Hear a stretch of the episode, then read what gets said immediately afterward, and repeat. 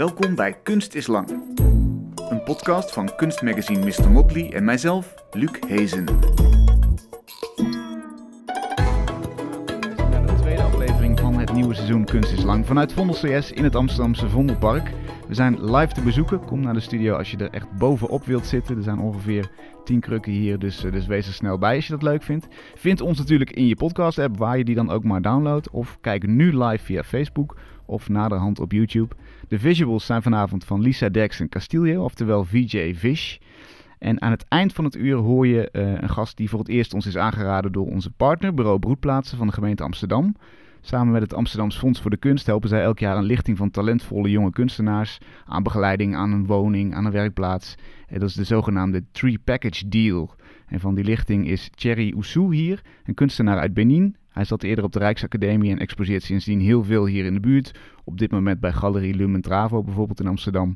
En in zijn tekeningen en schilderijen trekt hij een dwarsverband tussen etnografische objecten en hedendaagse kunst. Dat dus straks aan het eind van de uitzending. Maar we beginnen met Frédéric Bissuy. Ze deed na haar opleiding aan Rietveld een master aan Goldsmiths in Londen en werkte ook een paar jaar en leefde een paar jaar daar. Ze doet met haar werk onderzoek naar de structuur van de kunstwereld. Welke spelers zijn er actief? Welke machtsverhoudingen gelden er en hoe lopen alle geldstromen? Zitten er eventueel duistere kantjes aan die kunsthandel? Dat onderzoekt ze allemaal in performances en in installaties. Voor het werk Goldsmith Gallery plaatste ze bijvoorbeeld onder de naam van een prestigieuze galeriehouder een vacature in de krant, waarbij ze schreef dat mannelijke werknemers meer zouden gaan verdienen dan vrouwelijke. En onder de naam Bondware maakt ze verschillende werken die aan de kaak stellen hoe kunstwerken worden gebruikt om belasting te ontduiken. Nu is ze inmiddels weer in Amsterdam en is de focus van haar werk veranderd. Die grote kunstmarkt is veel verder weg en er komt een verlangen om werk te maken dat meer is geënt op filosofische en spirituele onderwerpen. Frederik, welkom. Ja, dank je. Leuk dat je er bent. Leuk om hier te zijn. Ja. Die kunstmarkt, hè, met al die eigenaardigheden, die grote belangen, die geldstromen. Wanneer dacht je voor het eerst, dat is interessant, daar ga ik induiken? Mm, ik denk net nadat ik uh, was afgestudeerd van Goldsmith. Toen had ik al die galerie uh, eigenlijk gehad. In, uh, nou, dat was dus tijdens de master in het tweede jaar. en toen begon ik wel geïnteresseerd te raken in, in een beetje de infrastructuur van de kunstwereld. En um, gelijk daarna um, ging ik werken bij Philips. Dat is een veilinghuis, groot veilinghuis voor hedendaagse kunst in Londen. En ook, ja, dan zie je opeens die kant van de kunstwereld. En uh, we gingen elk jaar naar Freeze. Dat is ook een enorme soort van andere kant van de kunstwereld dan dat je gewend bent. Op ja. het moment dat je nog op zo gewoon beginnend kunstenaar bent. Of als je op je master zit bijvoorbeeld. Mm -hmm. um, en ik vond dat heel interessant omdat het zo... Het is zo overdreven, het is zo over de top allemaal. En, en de manier waarop mensen met geld omgaan. En en, um, heb je dan één ja. beeld voor je wat schets is waarom je dacht van hé, wat een rare wereld? Bijvoorbeeld op Freeze of zo? Nou, meer, ik denk vooral bij Philips dat ze bijvoorbeeld ook nooit ze deden nooit moeilijk dat we handschoentjes aan hadden bijvoorbeeld. En dan waren wij met werken bezig die voor miljoen of een paar miljoen werden geveld. En dan zeiden ze ja, wel voor de grap van, oh, laat, moet je niet laten vallen. Maar ja, als het beschadigt, dan stoppen we het gewoon achter de muur, zeiden ze altijd. Uh, dus uh, nee, dat soort dingen. Gewoon een hele gekke relatie met heel veel, heel duur werk. Dat elke, ja, ik, we werkten daar gewoon met uh, allemaal andere jonge kunstenaars. En die doorloop was ook enorm. Dus elke maand hebben ze twee, drie veilingen waar je ook weer steeds dezelfde werk terug ziet komen. En ja, het is allemaal heel abstract eigenlijk worden daardoor. Ja. En, uh, en op Freeze is het denk ik vooral... Ja, je hebt daar allemaal van die lounges van de Deutsche Bank waar je niet in mag. En je weet gewoon nooit wat een werk kost. Je weet niet hoe dingen gaan. Er is ook een pre-VIP opening waar je dan nooit terecht komt. En het moment dat je zelf als, als uh, bezoeker daar binnenkomt, is eigenlijk alles al verkocht.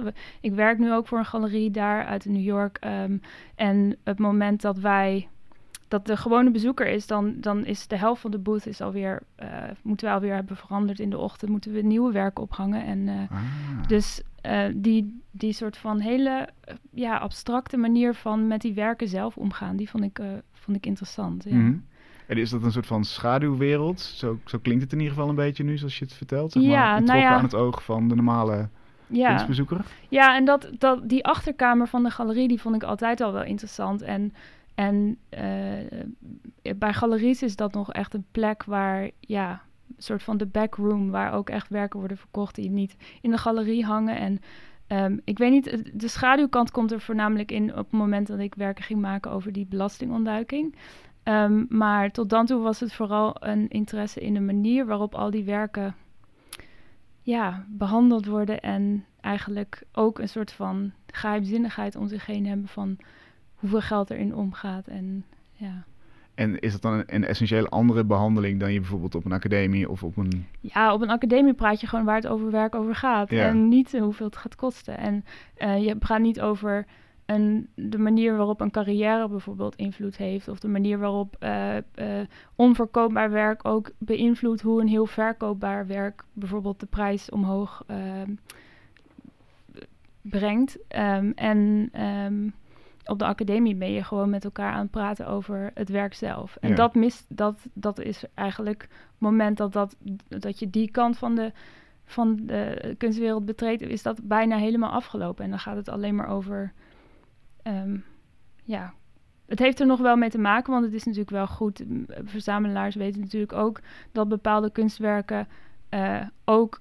Ja, die, in het Engels kan je dan zeggen hedgen. Dus eh, die krijgen een soort van meerwaarde door, doordat er ook op een hele eh, conceptue- conceptuele manier en interessante manier ook over het werk wordt gepraat en Mhm. geschreven.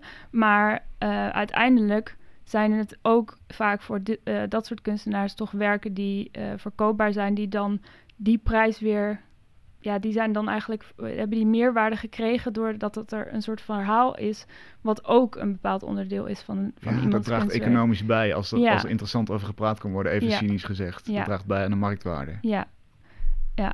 En ja, de, ook dat verhaal vond ik ook interessant. De manier waarop er eh, eigenlijk over werk wordt gesproken en ook welke werken dan uiteindelijk verkocht worden van een kunstenaar. En nou ja, dat heeft dan ook weer te maken met de, misschien de grootte van een kunstwerk of dat, dat je het makkelijk kunt vervoeren. Of, Mhm. eh, de- ja, Het zijn eigenlijk de banalere aspecten, zou je kunnen zeggen, van, ja, van de kunstwereld. ja.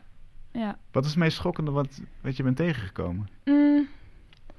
Nou ja, dat, toen, toen ik ehm, het begin van die serie over de belastingontduiking, dat was wel heel interessant. Toen eh, was, ik, eh, was ik iemand tegengekomen die heel veel wist over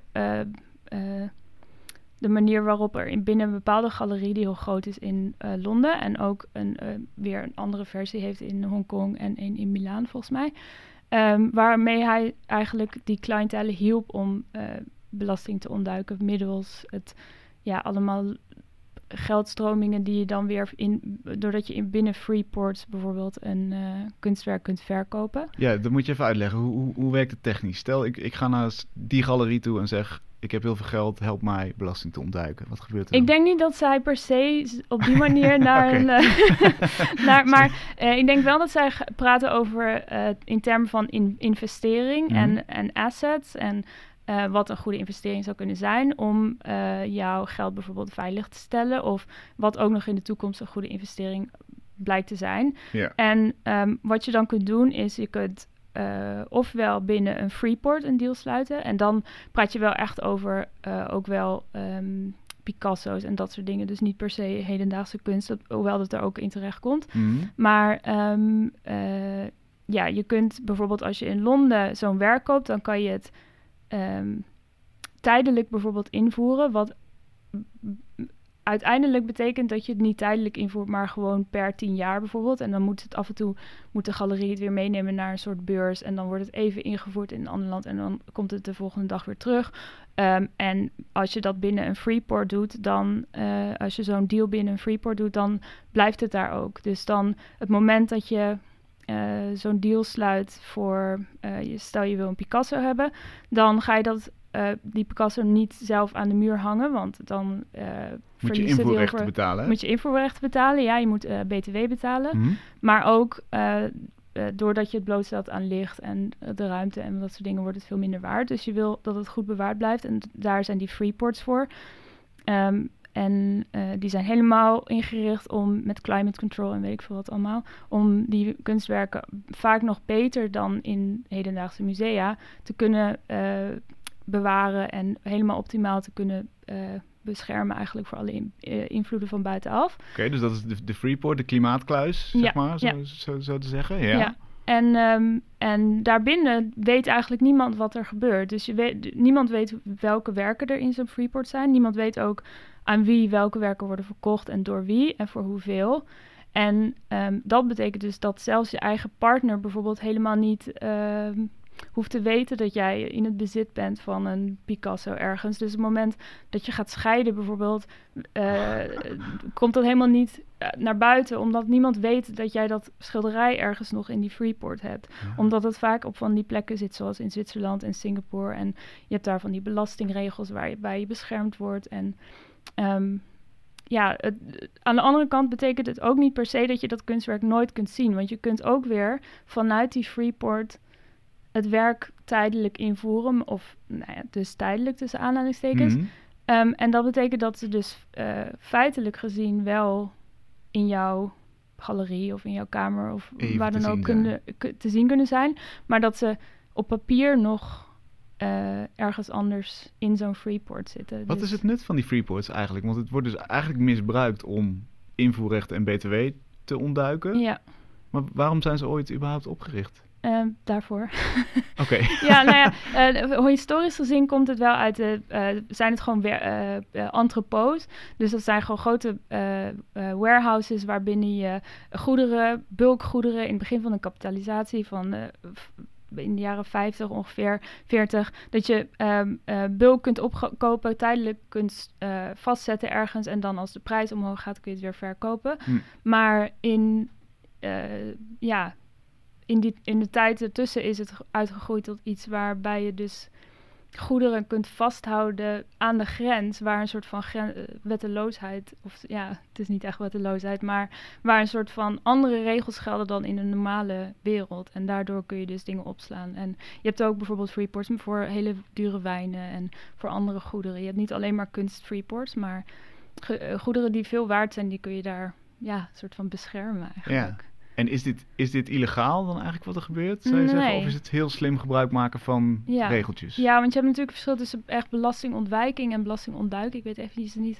Ik denk dat dit meer belastingontwijking is eigenlijk. En niet ontduiking. Maar um, ja, het, het, gekke is wel dat het natuurlijk ook totaal ondemocratisch is. Dat het uh, alleen maar toegankelijk is als je heel veel geld hebt. Want voor een normale persoon is het niet... Uh, kun je, ja, je kunt niet als normaal persoon ook belasting... Uh, vermijden in dit geval. Maar nee, het is gewoon heel, heel slim gebruik maken van de regels. En ook in Europa zijn er ook natuurlijk heel veel.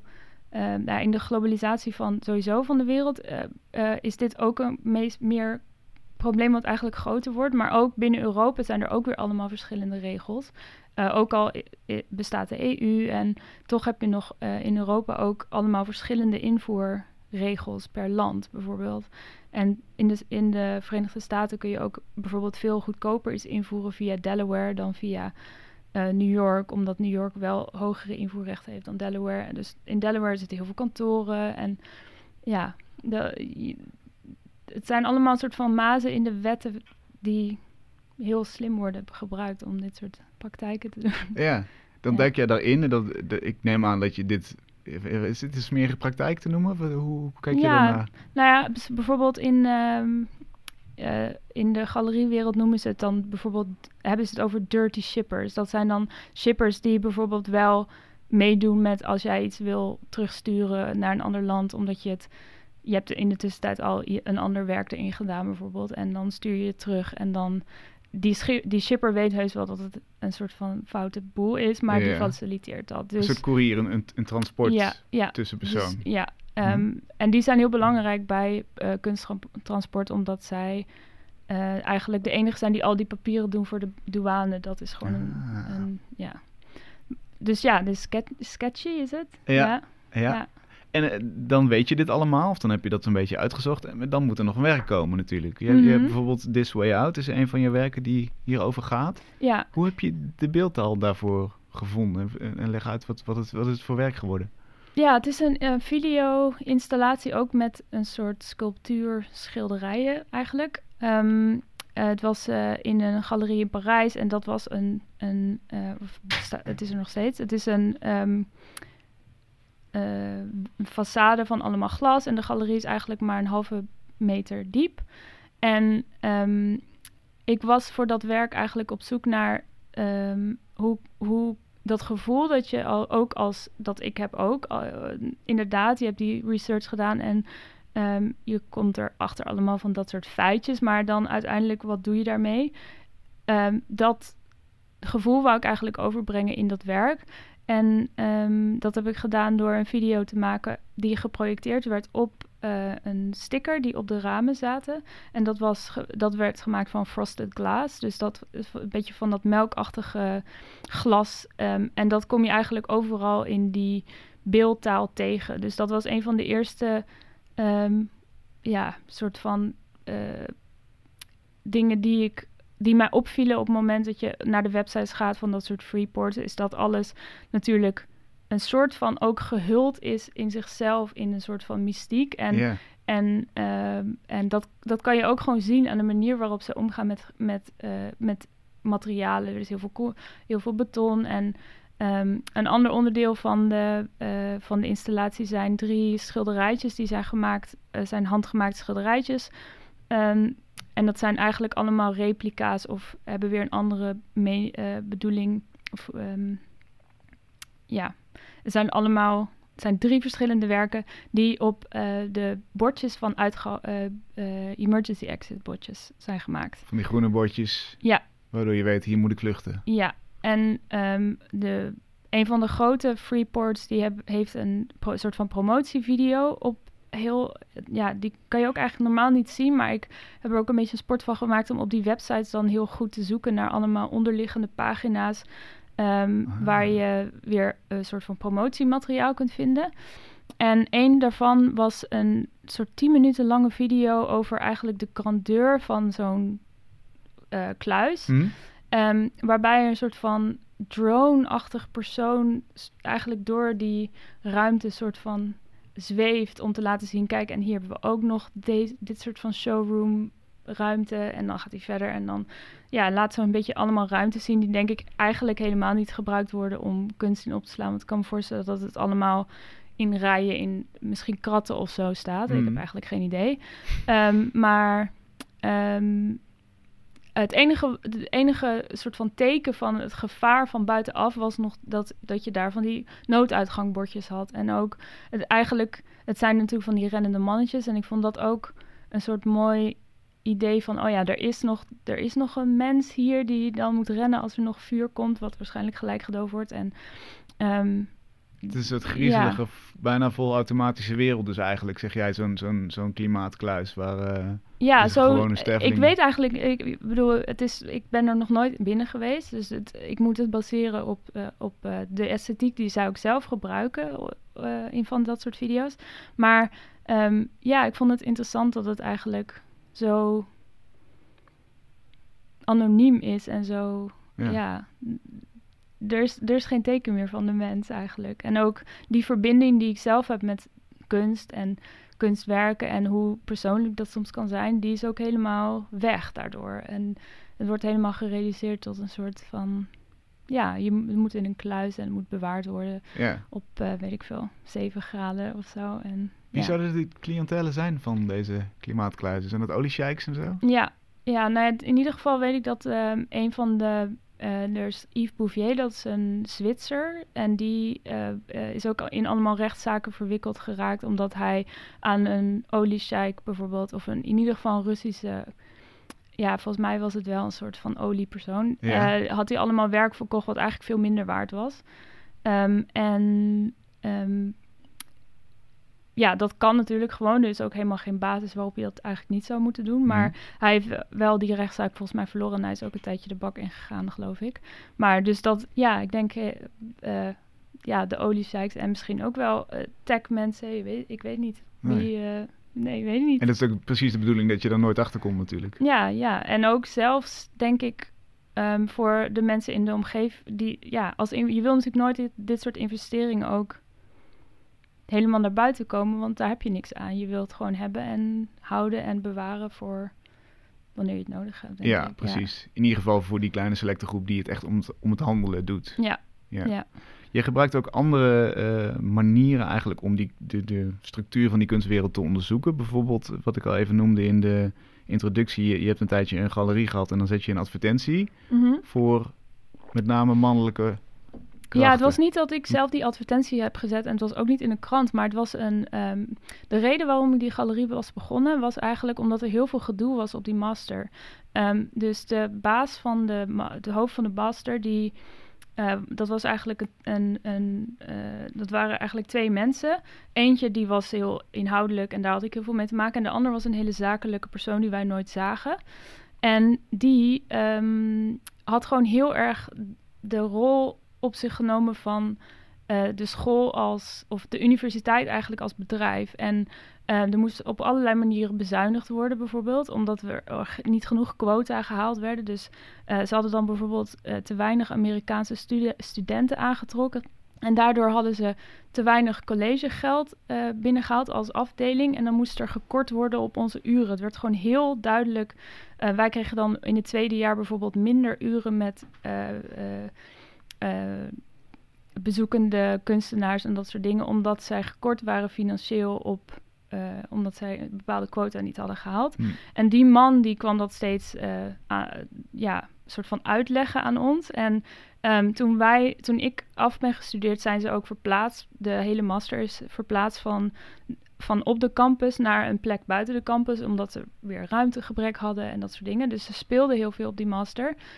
Um, waaronder de, het feit dat er aan de ene kant heel veel uh, financiële uh, middelen dus gekort waren. Aan de andere kant begon die, de hoofd van de afdeling zelf een galerie uh, met privaat geld, wat dan weer binnenkwam, waar ook binnen uh, hij heel veel geld heeft opgehaald uh, door een soort van veiling te doen met allemaal voor uh, ja, young British artists, de YBA's, die allemaal op Goldsmiths hebben gezeten. En mm. later ook bijvoorbeeld Laura Prouveau. En nou ja, heel veel van die hele bekende, nu hele bekende kunstenaars, die hebben dan um, werk gegeven eigenlijk, of een soort giften waren dat. En die heeft hij geveild om weer geld op te halen voor een soort heel megalomaan project. Wat precies op die plek waar wij als masterstudenten onze studio hadden, uh, om daar dan die, die galerie voor te maken. En voor die galerie zochten ze een uh, galeriedirecteur. Ah, okay. En toen heb ik dat bericht ge, uh, uiteindelijk. Nou, ik had dus die galerie al, ik had dat Goldsmiths Gallery genoemd.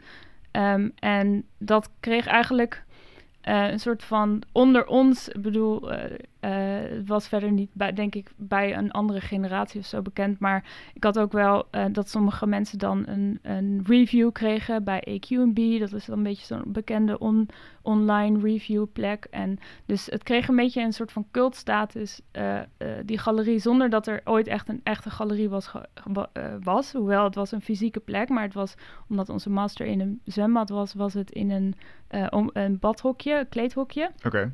Ehm, eh, dus het was heel klein. Het was eigenlijk elke maand hadden we een opening. Maar uh, online had het een veel grotere uh, impact eigenlijk. Omdat ik ook heel veel interviews en podcasts deed. En, en um, dus af en toe zo'n review. En um, dus toen heb ik die via die Goldsmith Gallery, die,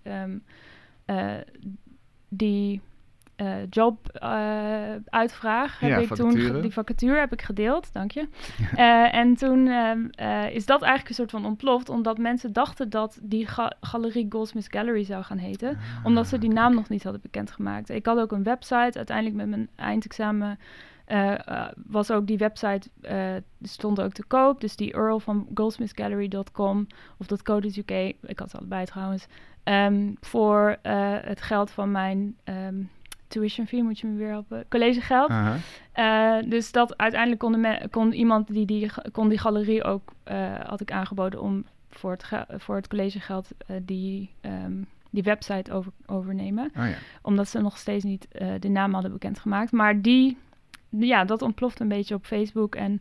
Um, en is dat dan een werk? Zie je dat als werk? Is, is het een interventie? Het hele project was wel een werk, denk hm. ik. Alleen um, het was ook weer. Um, en dat is eigenlijk met infrastructurele kritiek, zo noemde ik het dan een beetje. Of mm -hmm. uh, misschien in dit geval was het ook wel institutionele kritiek. Is het ook weer moeilijk om dat daarna weer. Om ja, daarna op te reflecteren eigenlijk. Omdat als die tijd eenmaal voorbij is, dan moet je dus heel veel uitleggen, bijvoorbeeld zoals ik nu doe. Nu, ja. uh, voordat mensen begrijpen wat, dat, wat die. Ah, dat slaat, ja. ja. wat die impact dan was. Of wat, ja. wat dat. Mm, ja, dus die interventie, die, dat is wel deel van mijn werk. Alleen. Um, ja, achteraf gezien is het dan moeilijk om dat nog als je werk te zien, omdat je dan al die, eh, die achtergrond moet, steeds moet geven. Ja. Hoe, ehm, hoe denk je eigenlijk nu over die hele kunstwereld? Is die, is die in essentie geld gedreven? Want heb je, op dat onderwerp heb je natuurlijk nu Mm. gefocust. Of, of denk je, nee, dat zijn een paar rotte appels om ze zo even te noemen. En, en de basis is gewoon een op kunst ge- gedreven markt. Ik denk dat het, eh, dat het er allebei is en dat het allebei naast elkaar bestaat. En, en dat het één zeker. Het is niet alsof dat twee afgescheiden werelden van elkaar zijn. Maar ik denk dat het wel. Het is ook een beetje pessimistisch om erover na te denken op de manier van alle, het is allemaal geld gedreven. Alleen ehm, die markt is, is gewoon op sommige plekken veel, ook veel prominenter dan op andere plekken. Dus bijvoorbeeld hier in Amsterdam, ehm, als je naar een zelfs als je in een galerie of zo komt, dan kan je gewoon een prijslijst krijgen. En eh, ja, is het ook af en toe nog wel te betalen als je, weet ik veel, hard werkt Ja. en geen kunstenaar bent. Ja. Ehm, maar ehm, ja, ik denk dat het verlo... Het, het is een beetje een soort van... het zijn een soort van parallele wereld die, we- die heel veel met elkaar te maken hebben, maar die Mhm. wel op een andere manier ook functioneren en ook eh, dat werk. Ja, het is ook gek hoe sommige kunstenaars, als ze best wel jong zijn, al in één keer heel erg beroemd worden. En ik vraag me ook altijd af hoe dat dan, hoe is dat dan voor hun? En, en op welke manier kunnen zij dan nog werk maken wat zij zouden willen maken? Of moeten ze dan door een soort van worden ze dan helemaal opgenomen om steeds dat werk te maken, omdat, Mhm. omdat er heel veel vraag naar is? Ehm, Het staat naast elkaar, denk je eigenlijk. ja, dat denk ik wel. Ja. En heeft de ene over, de overhand, zou je zeggen? ja, mondiaal gezien denk ik wel dat het. Ja, ik denk dat er gewoon heel veel mensen ook zijn die niet zoveel van kunst weten, maar wel bijvoorbeeld eh, kunst mooi vinden en, het, en er af en toe naar kijken, eh, maar niet heel erg in de kunstwereld zitten. Mhm. En ik denk juist dat er eh, onder kunstenaars bijvoorbeeld een hele grote groep is die werk maakt eigenlijk voor elkaar. En dat, die nooit, dat het nooit een, soort groter publiek bereikt, maar dat het ook prima is, maar dat die ook wel heel erg. Ja, zeg maar de mensen die daarboven komen drijven, die zijn eigenlijk niet beter of. Of eh, ja, die maken niet per se beter werk. Alleen die zijn gewoon voor een groter publiek, denk ik, interessanter. En het is misschien makkelijker om over hun werk te praten. En, en dat leidt dan uiteindelijk tot die hele soort van excess waar, waar het werk heel veel geld waard voor, voor heel veel geld, ehm, waarvan het werk heel veel geld waard, Ja. wordt. Terwijl, ehm, Dus dan zitten ze in allebei de werelden, zeg maar. ja, Dat- maar die mensen hebben ook gewoon, weet ik veel, bij mij in de klas gezeten of ja. Je kan het zelf nog wel worden. ja, maar ik, weet, ik denk niet dat ik, eh, ik denk niet dat ik zo op die manier. Ik, ik denk dat mijn werk heel moeilijk in. eh, ik, ja, ik denk dat het bijvoorbeeld wel. Ik, het is niet een soort van bescheidenheid hoor. Dat ik denk van, oh nee, dat, dat gaat nooit lukken. Maar ik Mhm. denk wel dat er bepaald werk. dat je gewoon heel eh, duidelijk moet kunnen afbakenen waar je werk over gaat. En, en dat heb ik helemaal niet. En dat vind ik ook helemaal niet interessant eigenlijk. En dat is ook voor mij, ja, het is niet mijn doel of zo. Ik zou, mijn doel is meer, ik wil werk kunnen maken en ook het werk kunnen maken wat ik wil maken. En, en op welke manier dat kan, dat is waar, tot nu toe niet door de verkoop van werk bijvoorbeeld. Nee, Ja. nee niet bepaald erdoor. Dus Nee. eigenlijk eh, als soort van, als we jou even de, de kunstantropoloog noemen, zeg maar, dan, dan, zie, Mhm. dan zie je twee werelden. Dus waar, waarin kunstenaars vooral met elkaar communiceren en vooral over de betekenis het hebben. Ja, En inderdaad die, die zakelijke kant van mensen die misschien minder om de er betekenis zijn wel meer kanten hoor, maar ja. Maar grofweg is dat een soort van... En je hebt ook nog de institutionele kant en Ja. nog de, de weer maatschappelijke kant. Maar ja, er zijn gewoon er zijn verschillende kunstwerelden die eigenlijk naast elkaar bestaan. Ja. Hoe, hoe verhoud jij je inderdaad tot die, laten we zeggen, die andere kant die vooral in, in zakelijke belangen geïnteresseerd is, zeg maar. Wil je daar aan meedraaien als kunstenaar? En kan, kun, je daaruit onttrekken? Ehm, ik denk niet dat je er actief uit hoeft te onttrekken. En dat is ook niet hoe ik me daar zelf toe verhoud. Maar het is wel een soort hele abstracte wereld voor mij. Die ik, die, waarvan ik ook helemaal niet echt het idee heb dat ik daar nu dichterbij... Dat ik nu beter begrijp wat er allemaal eh, in omgaat dan een paar jaar geleden, ja, ik, het is nog steeds even afstandelijk eigenlijk. Je krijgt er helemaal geen toegang toe. Of, maar het is ook niet alsof ik daar heel erg naar op zoek ben, denk ik. Mhm. Maar ehm, eh, ik vind het, ja, net zoals dat, er, dat je in het leven of zo he- dingen in, zo onnoembaar interessant kunnen zijn omdat je niet begrijpt wat er gebeurt. Zo is hetzelfde eigenlijk in de kunstwereld. En hoe, hoe afstandelijker een bepaalde ja, dynamiek of zo in zo'n groep aan de hand is, hoe interessanter ik het vind om daar iets meer over te weten. Maar ik hoef daar niet zelf bij te horen uiteindelijk. Nee. Ja. Ehm, waar ik wel eigenlijk benieuwd naar ben, is stel dat je, dat je nou wel ineens met een, met een nieuw kunstwerk helemaal doorstoot tot die. Stel dat je werk in een freeport komt, zeg maar. Zou, zou dat voor jou een bezwaar zijn? Ehm, ethisch gezien bedoel je? Ja, bijvoorbeeld. Ehm, nee, ik denk het niet. Nee, maar het is wel. ehm, het, heeft wel, het zou wel consequenties hebben, denk ik, voor de manier waarop mijn werk gezien wordt door een heleboel mensen. En ook de discussie aan. ehm, ja, de manier waarop ik een discussie bijdraag, ja of nee. Ja. Ehm, maar ik denk niet dat, dat, er, dat, er een, dat het een probleem is als je werk verkocht wordt, bijvoorbeeld. Of als het, eh, als het ergens bewaard blijft. Alleen ehm, de Freeport is zo'n. ehm, ik kan me eigenlijk bijna niet voorstellen dat je werk in een Freeport terechtkomt als het niet ergens ooit de bedoeling was om, de- om daarin terecht te komen. Omdat het zo. Het is zo'n soort van uit was bijna van, van wat kunst is of zo. En ik, Maar als het super ja. populair is, dan kan dat toch gewoon? Dan, als het nou een heel goed, gewoon een heel goed werk is. Dan, Ja. dan- ja, maar het moet wel een bepaald soort werk zijn. Dus je kan. Ja, wat, wat, wat zijn de, de regels? Eh, nou, het moet geen videowerk zijn bijvoorbeeld. Het Mhm. moet een plat werk zijn bij, voorkeur. Het moet ehm, niet te ingewikkeld in allemaal verschillende kratten zitten. Ja, het moet gewoon klein zijn. Dus je moet eh, je betaalt gewoon per, eh, ja, per oppervlakte. En ehm, het moet ook wel echt gigantisch veel kosten. Wil het, wil het de moeite waard zijn om daar uiteindelijk dat vast te houden Ja. eigenlijk. Ja. Dus klein, mooi en heel duur.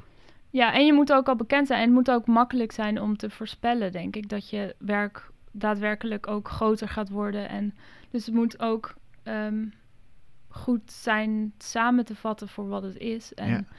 en dat verhaal moet gewoon duidelijk zijn. En ook niet te veel veranderen. Want veranderlijkheid is nooit goed met voorspellingen. En als dingen te veel veranderen, dan, Daar houden beleggers niet van. Nee. Ja, precies. Ja. Ehm, je, je zou ook kunnen zeggen, als je er cynisch naar kijkt, de kunstwereld heeft deze mensen ook nodig. Mhm. Die pompen heel veel Ja. geld rond, die, Ja. die, die krikken ego's op en, en reputaties. Best een nuttige sectie. Ja, dat denk ik ook eigenlijk. Ja, ik denk niet dat het. Ik, ik ben ook niet echt een idealist in die zin. Ik denk niet dat het eh, o- o- nodig is om, eh, om dat af te schaffen of om te. Ik denk wel dat het gewoon globaal gezien goed zou zijn als belastingontduiking. Ik ben wel voor dat iedereen zijn belasting betaalt, bijvoorbeeld. Ja. Maar het feit dat er zoveel geld in omgaat, is ook. Dat is ook een manier om. Dat helpt mij ook ergens. En het helpt, denk ik, iedereen in de kunstwereld om het ook te blijven behouden. En eh, ja, het zou denk ik een heel ander. zou heel anders zijn als er geen geld om zou gaan in de Wat, wat, zou, kunstwereld. wat zou het verschil zijn? Wa- Wat heb je te danken aan die... Als kun- Nederlandse kunstenaar, wat zou je te danken hebben aan die, eh, dat hele systeem en al die rijke mensen? Nou, ik, wat ik er eh, eh, persoonlijk bijvoorbeeld, dat ik altijd werk heb als eh, kunsthandler. Dus als iemand die al dat werk opbouwt en als technician. En, dus het is ook een soort van vangnet waarbinnen je altijd ook weer geld kunt verdienen zelf. Ja. Ehm, maar ik denk ook. mm, het is toch wel, denk ik, nodig dat er ook bepaalde mensen wel eh, om een soort van kanon te bouwen, om, om eh, en geschiedenis en dat, het- dat dat ook heel belangrijk is. Dat er bepaalde, ik denk niet dat het belangrijk is dat er alleen maar bepaalde mensen eh, toegang daartoe hebben. En Mhm. ook, ik vind dat er veel te veel poortwachters zijn overal. Mhm. Maar ik denk niet dat het.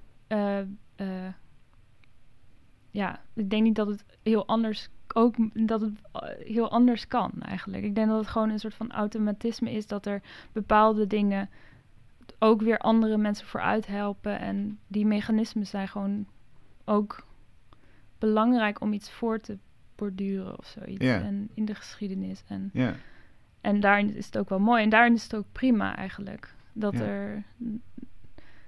Ja, dat er ook geld mee verdiend wordt en zo. Dat is, het is uitwas, maar het is ook... Het is prima, ja. ja. Wat ik ook nog een heel mooi werk vond is eh, Mama Margot.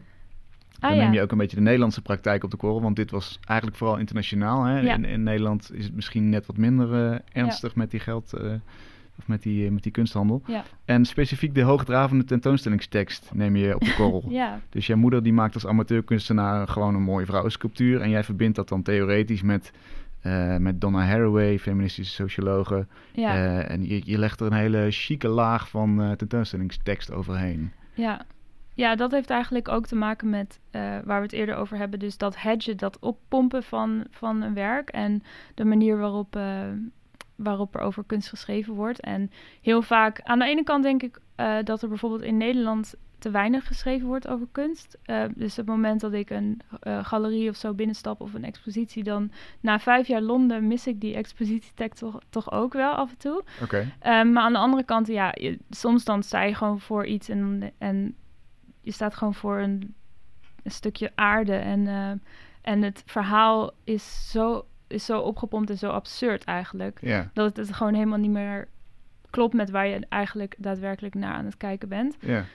Um, en in het geval van eh, die samenwerking die ik met mijn moeder, toen was ik heel erg bezig met proxy en wat kunstwerk. Op, wel, op welke manier is ook zo'n zo'n eh, zo'n zo'n expositietekst eigenlijk een proxy geworden van het werk zelf? Dus op welke manier, ook zeker als je kijkt naar eh, de manier waarop eh, beelden en eh, foto's en zo op internet verspreiden, is die, die tekst, is dat, wordt dat wordt dat eigenlijk dat verhaal? En of, of is die tekst juist secundair? Want op heel veel websites eh, verlies je dat. En wordt, of in portfolio's bijvoorbeeld, als kunstenaar is het, gaat het juist meer veel meer over beeld. Mhm. Ehm, Dus je zegt eigenlijk proxy, de, de vertegenwoordiging van het werk is die tekst. Hè? Die Ja. tekst die, is, die moet de essentie vatten van wat het werk is als Ja. object. Ehm, maar ja, hebben die dezelfde waarde en, en ja, en in sommige gevallen nemen ze het werk ook over. Worden ze eigenlijk het werk? En, dat, en is dat kwalijk of niet? Of is dat, is dat, eh, kan het ook interessant zijn om dat te doen? En. En wordt het werk daar misschien ook niet eh, echt beter voor als je, een- als je een goede verhalenverteller bent, dan wordt het verhaal ook daadwerkelijk beter. ja, dat is natuurlijk de Dus, vraag. Van wat, ja. eh, wat, wat, wat, wat heb je daarbij gevonden? Wat, wat is je standpunt daarin? Nou, ik denk dus ook dat het. ik was er in het begin heel cynisch over. En ik heb ook bijvoorbeeld een werk gemaakt waarbij. of een expositie gemaakt waarbij eh, mensen eh, gewoon die expositie handout konden pakken. Maar in werkelijkheid waren het drie verschillende teksten. Dus ehm, het was totaal. ehm, eh, random op, op welke manier die Ah, expositie inging eigenlijk. En ehm, toen, dat was eigenlijk een soort van experiment van oké, op welke manier mm, beïnvloedt dat het werk dan? En ik ging daar niet eh, achteraf gezien nog aan mensen vragen van hoe vond je het of zo. Maar Mhm. eh, als, als, als eh, oefening vond ik het wel interessant om te kijken, ja, op welke manier beïnvloedt die tekst het? En dat, op dat moment was dat nog meer een, ehm, was ik heel erg kritisch over die expositietekst. Eh, terwijl, wat ik zeg, nu ik weer eh, in Nederland ben, mis ik het wel vaak. wat, wat mis je dan? Wat, wat Eh, gebeurt er niet? achtergrond, nou, ik denk Ja. dat heel vaak achtergrondinformatie over een project. Er, is een er zijn heel veel kunstwerken waarbij het verhaal van de manier waarop het gemaakt is en manier, de research die een kunstenaar ehm, heeft gedaan, of eh, die wordt helemaal niet benoemd. Dus uiteindelijk wordt het dan eigenlijk beoordeeld op zijn esthetische kwaliteiten, of misschien het gebruik van materiaal, of Ja. Terwijl het verhaal minstens zo belangrijk is. En dat het is eigenlijk gek, want ik denk dat dat eh, veel, nu veel meer gebeurt dan misschien. Ja, ik weet niet of dat echt zo is, maar eh, in de tijd dat het met schilderijen bijvoorbeeld is, er, is het verhaal minder belangrijk. Terwijl met conceptuele kunst, maar nu ook de werken die conceptueel interessant zijn, is het eigenlijk belangrijker, dat verhaal. Maar ehm, ja, toch nog niet altijd komt dat er helemaal naar voren. En ik, ik, misschien komt dat ook omdat ik zelf een kunstenaar ben, dat ik dat interessant vind om Mhm. dat te weten. En ook precies wil weten waar, waar dat vandaan komt en, en wat de context is van het werk. Maar ja, soms vind ik het jammer dat het niet wordt verteld eigenlijk. En dat er niet een soort ingang is naar het werk, maar dat het alleen maar het werk zelf is. Ja. Dus Want, want in het geval van het beeld wat jouw moeder gemaakt heeft, kun je zeggen een mooi beeld. En, en dan ben je er eigenlijk klaar mee als je geen context weet. Hè? Dan, of, Ja. of je moet heel erg gaan zoeken naar wat doet het met de ruimte. Of, hè? Er Ja. zijn natuurlijk heel veel andere criteria. ja, Maar kan, kan die tekst het werk ook beter maken inderdaad? Dat je, dat je er met andere ogen naar kijkt en daarom waarde krijgt? Ja, ik denk niet per se dat het in deze. Kijk, ik, het, ik heb twee dingen gedaan en dat werkt. De ene is dus om haar eh, praktijk een soort van te eh, recontextualiseren binnen Ja. het feminisme. Ja. Maar ik heb ook niet haar eh, beelden zelf tentoongesteld, maar ehm, foto's gemaakt van die beelden.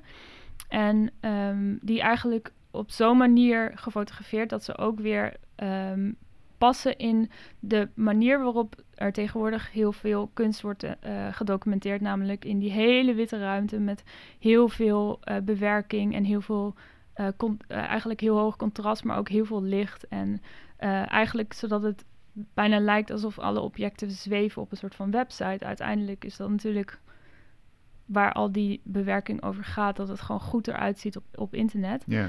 Ehm, dus het, en, en dan het feit dat ik die twee dingen heb gedaan, ik denk dat dat dan weer het verhaal wordt wat ik dan vertel. En dat dat dat werk wel ehm, beter maakt, of, dat, of beter, maar dat dat het interessante is van de ingreep die ik heb gedaan Ja. op, eh, binnen het werk wat mijn moeder dus heeft gemaakt totaal. ja. Grappig, Ja. want ook dit werk heeft dus eigenlijk best veel context nodig. Ja, Eh, ja, wat helemaal niet erg is, maar dat maakt het wel een soort van ironisch natuurlijk. Dat het ook weer... ja.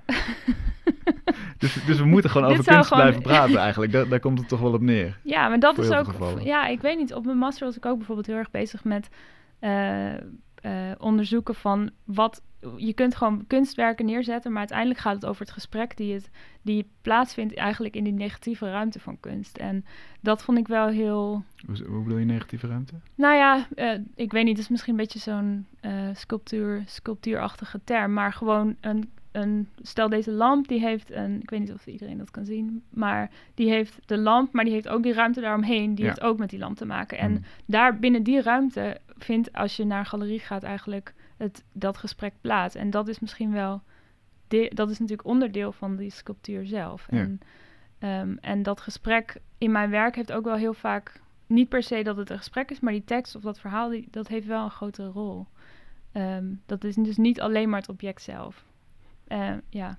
Sinds je in Amsterdam bent weer, eh, zei je ja, die kunstmarkt die staat meer op afstand nu en ik ben meer spiritueel bezig. Ja, ja. Dat was ik Eh, altijd al wel, maar ik ben het nu een beetje in mijn werk aan het betrekken, eigenlijk voor het eerst. Ja. Hoe kan het dat die, dat die stad daar zo invloed op, he- op heeft, Londen versus Amsterdam? Nou, het is ook eh, eh, het feit dat het in Londen bijvoorbeeld heel moeilijk was om, om daar een beetje mentaal gezond te blijven, letterlijk. Omdat het zo druk is en er zoveel aan de hand en er zoveel competitie. En eh, ja, ik werd er ook een beetje verstikt van. Dus, Meer dan in Amsterdam, want dat, dit zeggen Ja. sommige mensen ook over Amsterdam natuurlijk. Ja, maar het moment dat ik terugkwam in Amsterdam was het echt verademing om hier Ah, eh, een beetje kijk. rond te fietsen. Mhm. Ehm, dus eh, voor mij, het, het heeft met die stad te maken, omdat er eigenlijk helemaal geen ruimte is in Londen ook ehm, om een soort van zelfonderzoek te doen. En ehm, hoewel ik daar wel mee bezig was, maar ik vond eigenlijk ook weinig aansluiting daarmee met, eh, met ook met mensen uit van mijn master bijvoorbeeld of andere kunstenaars. Ehm, en hier is de, ja, ik heb het gevoel dat het een beetje is opengebroken voor mezelf hier.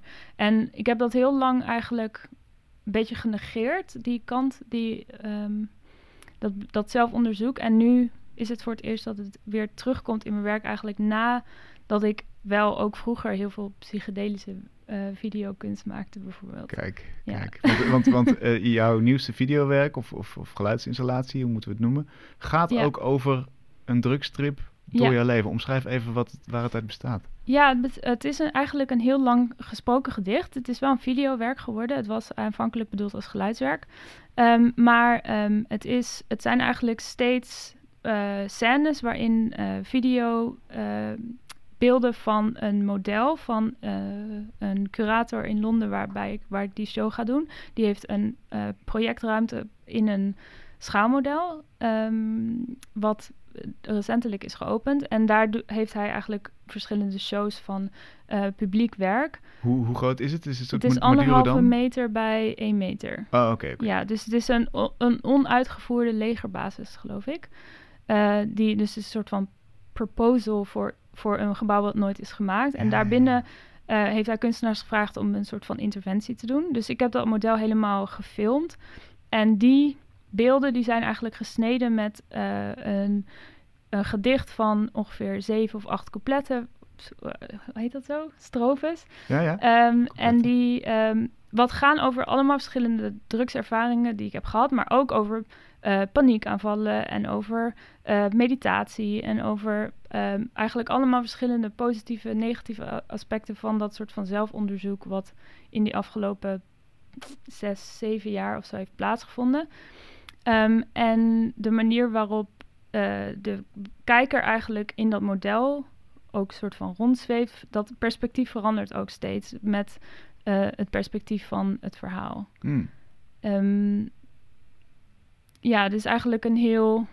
Het is een beetje een droom. Ik heb wel vaker dat mijn video's een soort van sferisch beeld eigenlijk zijn. Ook al gaan ze over aan de ene kant dus een ayahuasca-trip en aan de andere kant over belastingontduiking. Maar eigenlijk staan die video's helemaal niet zo ver van elkaar af. Want het gaat heel erg over de manier waarop ik mezelf dan toch uiteindelijk verhoud tot zo'n soort van wereld. En, ja. en ook um, ja, in de spiritualiteit is er ook weer allemaal uh, fantastische esthetiek, waar ik me ook weer van alles van vind. En wat ik ook weer heel interessant vind, bijvoorbeeld. Zou je dan kunnen zeggen dat je nu uh, na de kunsthandel een nieuwe wereld bent ingestapt, namelijk die spiritualiteit, en daar de contouren van ja, probeert ja. Te, af te tasten? Ja. ja, en ook de manier. Uiteindelijk denk ik dat esthetiek gewoon heel erg bepaalt op welke manier iets ontvangen wordt. Ja, het is zo. Ik vind dat zo interessant hoe esthetiek eigenlijk een soort van beeld vormt van wat iets is. En dat heeft ook weer met, met taal te maken en met. Uh, ja, ik heb zelf psychologie gestudeerd voordat ik uh, de kunstacademie heb gedaan. Dus de manier waarop er in je hersenen natuurlijk een beeld gevormd wordt met allerlei schema's van wanneer iets, iets, iets wel een, een eend en wanneer is iets net niet een eend. Mm. Ik denk dat dat die ja, al die regels die daarover zijn in je hoofd, dat dat, dat dat iets is wat ik heel interessant vind. En daar kom ik eigenlijk nu pas weer terug, terwijl dat in al mijn werk eigenlijk zit. Alleen gaat het steeds over. Is het de eerste keer voor het eerst eigenlijk dat het weer echt daarover gaat. En niet dat onderzoek binnen, um, binnen de kunstwereld bijvoorbeeld plaatsvindt. Ja, precies. Ja. En, en die psychedelische wereld waar je dan met drugs in komt, hoe, hoe ziet die eruit? Wat, wat fascineert je daarin? Mm, het fascineert me dat het aan de ene kant een wereld is waarin heel veel mensen heel erg zoekende zijn. En um, dat heb ik denk ik zelf ook al, vanaf jonge leeftijd, dat het toch uh, ook, ja, je komt heel veel gelijkgestemden tegen. En aan de andere kant kom je ook heel veel mensen tegen die heel lang al eigenlijk uh, zoeken en daar helemaal niks vinden, bijvoorbeeld. Um, ja, het is een hele andere wereld dan de kunstwereld, omdat het veel minder, het gaat veel meer over gevoel en veel minder over nadenken en analyseren. En het gaat ook veel meer vaak over uh, meer, uh, ja, essentiële dingen misschien in mm. het leven en minder over wat er allemaal in je hoofd gebeurt. En dat, ja, die, en ook op de manier waarop die esthetiek, dat je daar ook weer bij komt. Je hebt mensen die heel new age zijn en je hebt weer mensen die daar weer helemaal buiten staan. En bijvoorbeeld, nou ja, je hebt echt spiritualiteit, spiritualiteit met numerologie en, en, en ayahuasca. En aan de andere kant heb je Advaita en non-dualiteit. Dat zijn weer hele sekke mensen die gewoon, voor, het zijn voornamelijk mensen die vastliepen in een baan en dan uh, in een kantoorbaan. En die dan daardoor weer in een depressie belanden en uh, in een soort van andere spiritualiteitswereld terechtkomt. Die veel sekker is dan bijvoorbeeld wierook en, en mandala's of zo. Ja. ja. en al deze beeldtalen die gaan ook weer terugkomen in jouw werk. Die worden daarin opgenomen. Uh, ja, nou ik wil dat wel, omdat, het, uh, omdat ik het heel interessant vind wat, hoe dat komt. Dat al die memes soort van blijven doorbestaan bijvoorbeeld. En dat ze ook weer veranderen. En ook, ja, ook de manier waarop ze gecommuniceerd worden met de uh, de niet-spirituele wereld. Dus bijvoorbeeld binnen, je hebt een bepaalde eh, meditatie, eh, dat heet, ehm, eh, nou weet ik even niet, maar die, ehm, die hebben het weer heel erg over neurowetenschap bijvoorbeeld. En die linken alles weer aan bepaalde onderzoeken. Dus die zijn heel, heel wetenschappelijk daarin. En andere stromingen die zijn weer veel zweveriger. Of, ja. Ja. Je blijft een soort van antropoloog eigenlijk, of, ofwel de kunstwereld ofwel de ja, spirituele wereld. Waar, waar gaan we dit laatste kunnen zien binnenkort? Dit wordt te zien uh, dat de projectruimte heet Ghost Space. En het is een uh, website slash Instagram uh, documentatieplatform. Mm En over, ik denk dat het over twee weken te zien is ongeveer. En via ghostspace.com co.uk, denk ik. Maar het zou ook .com kunnen zijn. Ga gewoon naar mrmonty.nl. Dan, ja, uh, dan vind je toch? zeker uh, de, de, de, show notes inderdaad. dan vind je zeker de goede link. Ja. Dankjewel voor je interessante antwoorden. Bedankt. Vanavond. Um, then we're going to continue with uh, Cherry Ousou. He's part of the Tree Package Deal of promising artists that are supported by Amsterdam's Fonds voor de Kunst en Bureau Broedplaatsen. And uh, as you've heard, I, I switched to English. uh, because uh, well, his Dutch is a bit rusty from. Um, but but here he is, um, Cherry. Welcome. Yeah, you. Your work is called social archaeology. Yeah. Can you explain that? Uh, social archaeology. I think. Um, social archaeology is just the word, but uh, my technique for work is I'm very inspired by my environment, like uh, with my project about Outhaven. I um, I did you know I um, I had interview with uh, people who live in this area like 10 years uh, 15 years and then I have manuscript and then from the manuscript um, um, I, I translate to English and from English to to French and from French to Fon, who is my own language in Benin. Right. So um, from these, I try to to show, um, um, you know, the development of um, of the language combined with this city, but especially uh, Outhaven near to uh, Amsterdam. So so you can see Outhaven now is you know is just new building, mm-hmm. but it was um, um, uh, fisherman area mm-hmm. and very poor area. So now, yeah, like kind of gentrification of this space. Right. So, and yeah. and how does that relate to Amsterdam? What? Yeah. How, what what do we see in your work that that make those two worlds visible? Yeah, for me, I think um, Amsterdam is the city we we we have to like artists. I would say, uh, you know, it's like two years. I, I'm I'm uh, you know I trying to have a studio I really like, but I I can't have it. Mm.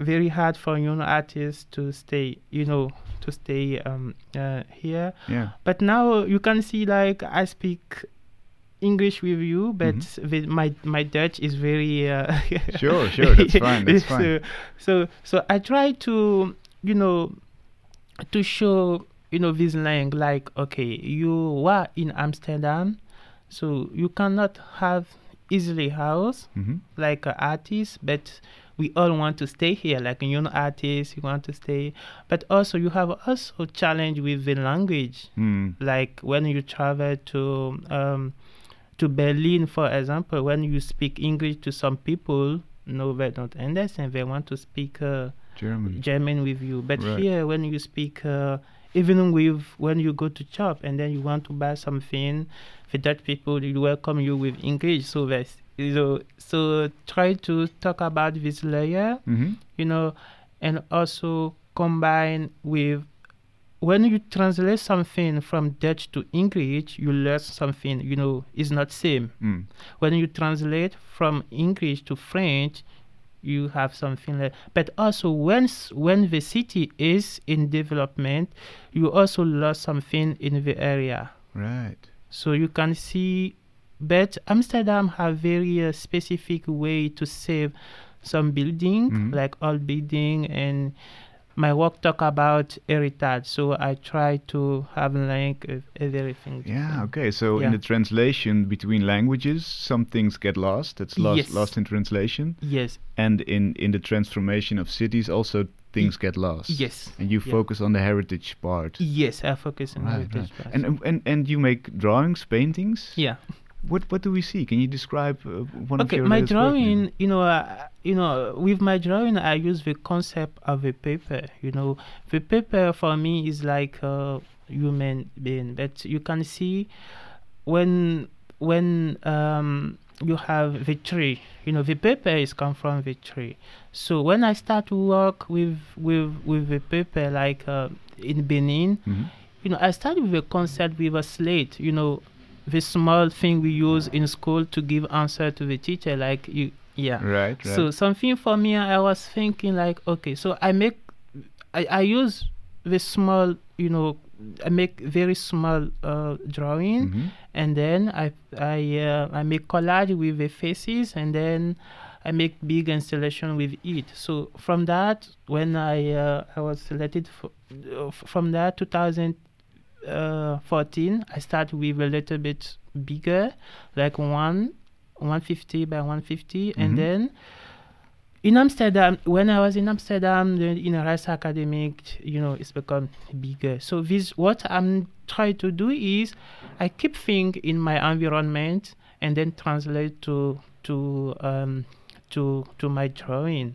So like I was in Joburg and then talk about the city, and then also with here, yeah, I have some drawing who talk about um, um, the city, but not much because I I always try to to combine from Benin. Like I took picture from Benin, Mhm. like picture um, uh, the children or some people that make of the world in a very small uh, town in Benin. Uh-huh. So I go there and make photography, and from this photography, I try to you know to to you know to to convert to the real um, artistic language. So what does this mean? Because you know, in some city.